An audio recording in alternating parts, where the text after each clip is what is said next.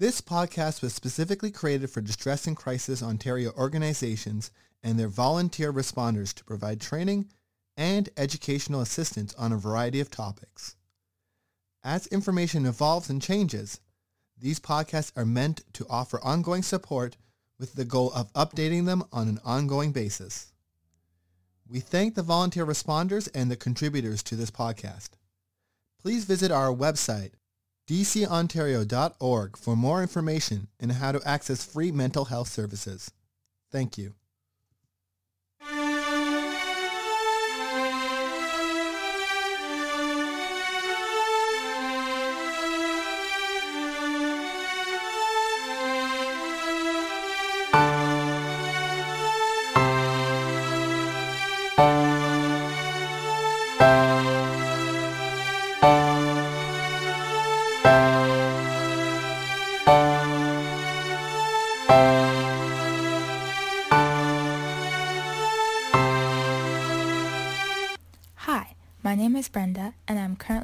Currently student completing my placement at DCO, and I'll be your host for this week. In this week's episode, I interview Marilyn Clark, an art therapist candidate and registered psychotherapist qualifying from the Delton Glebe Counseling Center. Tune in to this enlightening discussion as she shares her perspective on hope and how we can use hope to get us through the COVID-19 pandemic with a creative spin. Hi, Marilyn. How are you doing today? I'm fine, thank you, Brenda. Thank you for inviting me. Thank you so much for taking time out of your day to do this interview with me. Before we start, could you please tell us a little bit about yourself? Yes, I am an art therapist candidate from the Toronto Art Therapy Institute and registered psychotherapist qualifying.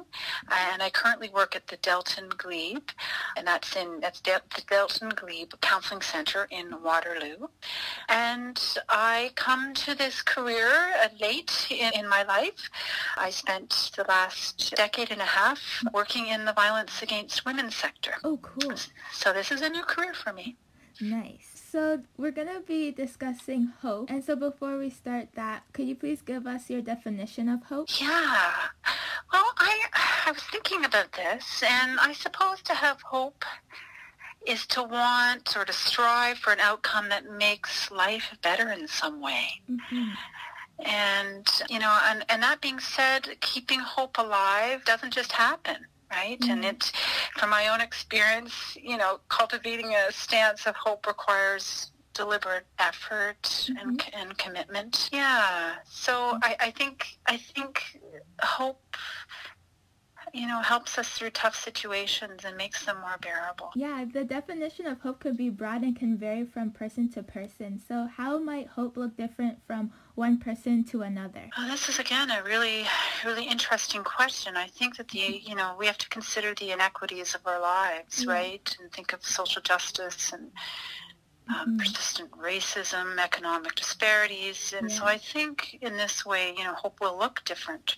It'll take a Mhm. different form for all, depending on our, our, our life circumstances Mhm. our privileges, our support systems, all of those pieces.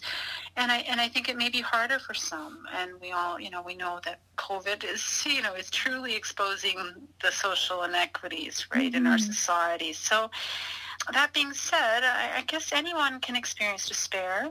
Yeah. And often we are surprised by the intensity of, you know, despair that others carry, you know, often hidden in plain view, right? Mhm.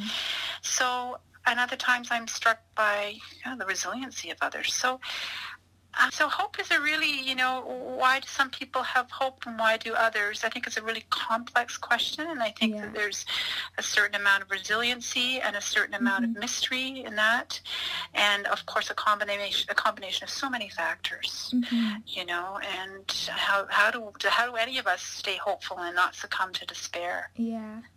hmm Uh-huh. Yeah, I like how you touched on the different social locations of different people because hope may not look the same for everyone depending on where you are in society and what kind of things you go through. And yeah, challenges come to us no matter what kind of social economic status we come from. But do you think hope is enough to get us through the pandemic? Another great question. I, I think, well, I think hope is a deliberate stance. Yeah. You know, that we can, you know, and I suppose some, you know, some people are going to feel more hopeless than others. Yeah. You know, it, it, during COVID, you know, it particularly, if you're, speaking about the pandemic specifically, Mm-hmm. um, you know, many people experience the death of a loved one, Yeah. or you know, have considerable amount of despair, the tolls taken on you personally, or your own health, or your livelihood. So I, I think that um, it may be really difficult to to Mhm. keep hope alive and, and have hope during the pandemic. Um, Yeah. but in a way, I come back to, you know, um, that we all must kind of fight against the darkness, Mhm. you know, and um, to help each other. Yeah. And, uh, you know, and everyone needs their basic needs met, food, shelter, safety, love, all those pieces. And once those needs are met, I think Yeah. um, there's more space Uh-huh. to allow hope to move in, right? If, Yeah. if, and yeah. So I sort of see that as a collective responsibility, really. Mm-hmm. And are there other factors um, that you think needs to exist alongside hope to help us through the pandemic?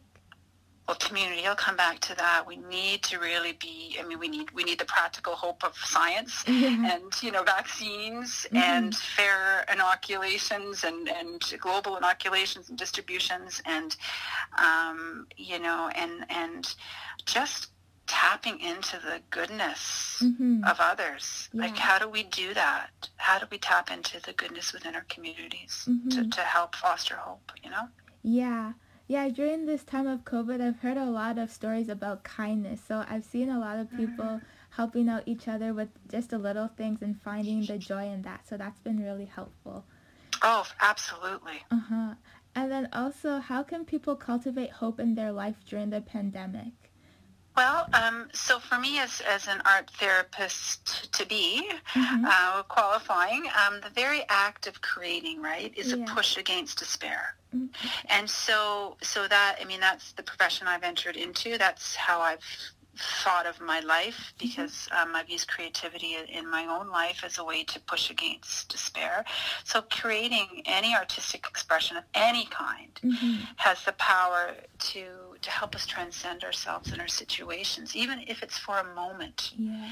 And so I think creating is, for me, and I'm speaking, uh, you know, from an art therapist perspective, is um, inherently an act of hope. And so that that's, um, you know, I'm also optimistic by nature. So I think that, um, yeah, so I guess I'll, I'll end there. Oh, nice. I like how you added in the aspect of being artistic because I haven't really thought of it like that before, but I can see it as like another way to express yourself without having to use words because sometimes Mhm. it's hard to come up with the words to say, but you can just express yourself through colors or drawings without really having to focus on words so much all the time. Absolutely. Uh-huh. Absolutely. And do you think people who have a form of spirituality in their lives benefit from hope more than those who do not hold spirituality? Well, you know, I, I, I, I came from a very uh, strong uh, faith background, Mhm. and um, and certainly uh, in my in my childhood, and when I looked around at uh, family members, um, I, I do believe that hope, you know, helped them through difficult. The faith rather helped them through through difficult times. Mhm. And I think um, people who with a strong faith can be very sustained by their spiritual beliefs. Mhm. And I, and I think that spiritual beliefs can help one make sense of their world and provide comfort and solace and community, because I always come back to community.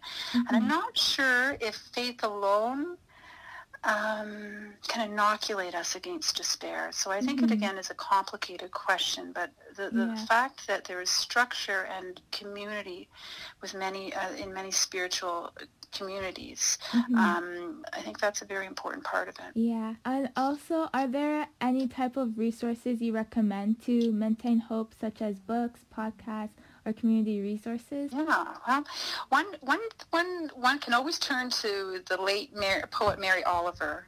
Okay. One of my favorite poets. She died a few years ago. Um, you know, for, for imagery and words of encouragement, you know, and she encourages us to seize the moment. And mm-hmm. she, you know, also encourages us to look at the world, particularly the natural world, with, with wonderment. Mm-hmm. And um, I have, you know, I have read several terrific novels and a few wonderful books by, mm-hmm. uh, you know, my some of my favorite writers, existential mm-hmm. ther- existentialist therapist Irvin Yalom.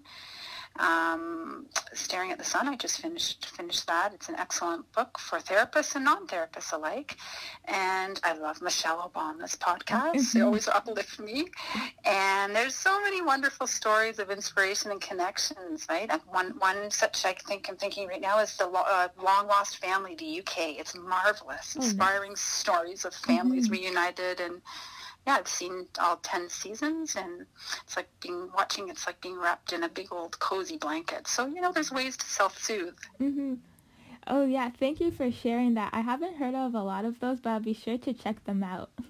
You're welcome. And then what are the benefits or importance of hope on our well-being? Well, I think you know. I think, as I mentioned, you know, hope hope does allow us to to see or to think about a better future, mm-hmm and um, you know, and, and, and maybe just motivates you or us to, to yourself or others to, to, to take steps, right, to, to make yeah. that vision happen. So I think, mm-hmm. you know, I mean, in, in, when people come to therapy, I think it's an inherently hopeful act because you're saying, oh, mm-hmm. I want something different for me. Yeah. And so that very act of wanting that and seeing something different and envisioning, in a sense, it's envisioning a different future, right? Mm-hmm.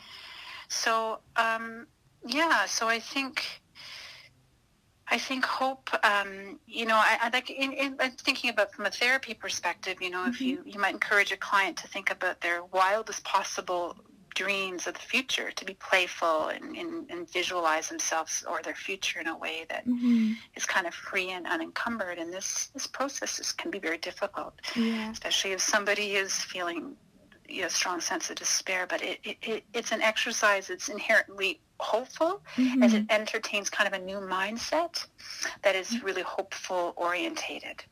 So mm-hmm. I think there's, I think hope, yeah, it really does. It, it, it's, it can really, um, having hope certainly uh, does make our lives better. Yeah. A lot of people have found hope through the communities that they belong to or just connecting with others. But how do we find comfort with others while they're in isolation? Mm, hmm Mm, well, reaching out and sharing, you know, you've talked, you just talked about that, laughing, mm-hmm. picking up the phone, mm-hmm. you know, not hesitating, not hesitating, you know, when we think about that person, don't, you know, just resisting, oh, I'll, I'll do that tomorrow, you know, here and mm-hmm. now. Yeah. And and I think that that's really important and you know something that I have to push myself to do sometimes and mm-hmm. talking to our neighbor, right? Yeah. Or someone in a way that like in some ways, you know, the, we have now the space to notice and mm-hmm. ironically, you know, more than ever that you know, to notice others, right? Somebody mm-hmm. walking by you or um, even though we can't physically be in their presence or get close to them for a hug, um, we can we can check in and show kindnesses in different ways. Meet their eyes, you know. Look yeah. at them on look at them when you're walking by, even if it's at if, of course if it's at the, it has to be at six feet, but mm-hmm. to meet mm-hmm. their eyes and to say hello and and so and make something, of course, create. yeah. uh, yeah. Uh-huh. Yeah. A lot of people have realized that oh we what we used to take for granted is so uh like well possessed now whereas before you would see someone on the street you would say hello and it would just be normal. But now when someone says hi to you at the grocery store or compliments you in some way it's taken with so much more gratitude. And i just like hearing those type of stories. And also do you have any stories about hope during the pandemic to share yeah, I, yeah, I, I do have a story. I, I, so my my father, he's 87, mm-hmm. and he he lives in the same town as me. But of course, we are being very careful and not not having too much. Uh, physical contact with him. Certainly during the long lockdown, we have not. Mm-hmm. And um, he had he he likes to write poetry, and he was becoming kind of you know, particularly with the, what was going on in the United States, and, mm-hmm. and he was becoming very despondent with what was going on. And he decided that he was going to write a poem every day. Wow. And share it with his family. And it's been a wonderful point of connection um, and a wonderful point of uh, connection for all of us. And mm-hmm. we get to write back to him and, mm. um, you know, just say, oh, Dad, Dad, that's really neat. I really like this one. Oh, it's so inspiring. And, you know, not all of them are hopeful, mm-hmm. but um, many of them are. So he's also sharing those harder points of feeling lonely or mm-hmm. um, wondering what's happening in the world. And um, I have actually a very short one in front of me, and I can read it to you. Oh, sure. I'd love to hear it. Sure. This is called Prescription for a Good Life, and my dad's name is James Clark. So break free from your cell of darkness, venture with hopeful eyes into the morning light, and its great white sheet of sky overhead to write on. Inhale the clean blonde air, grateful to be alive. At every green moment along your way, cast your seed far and wide, trusting even if sunlight dims, the earth will bloom again.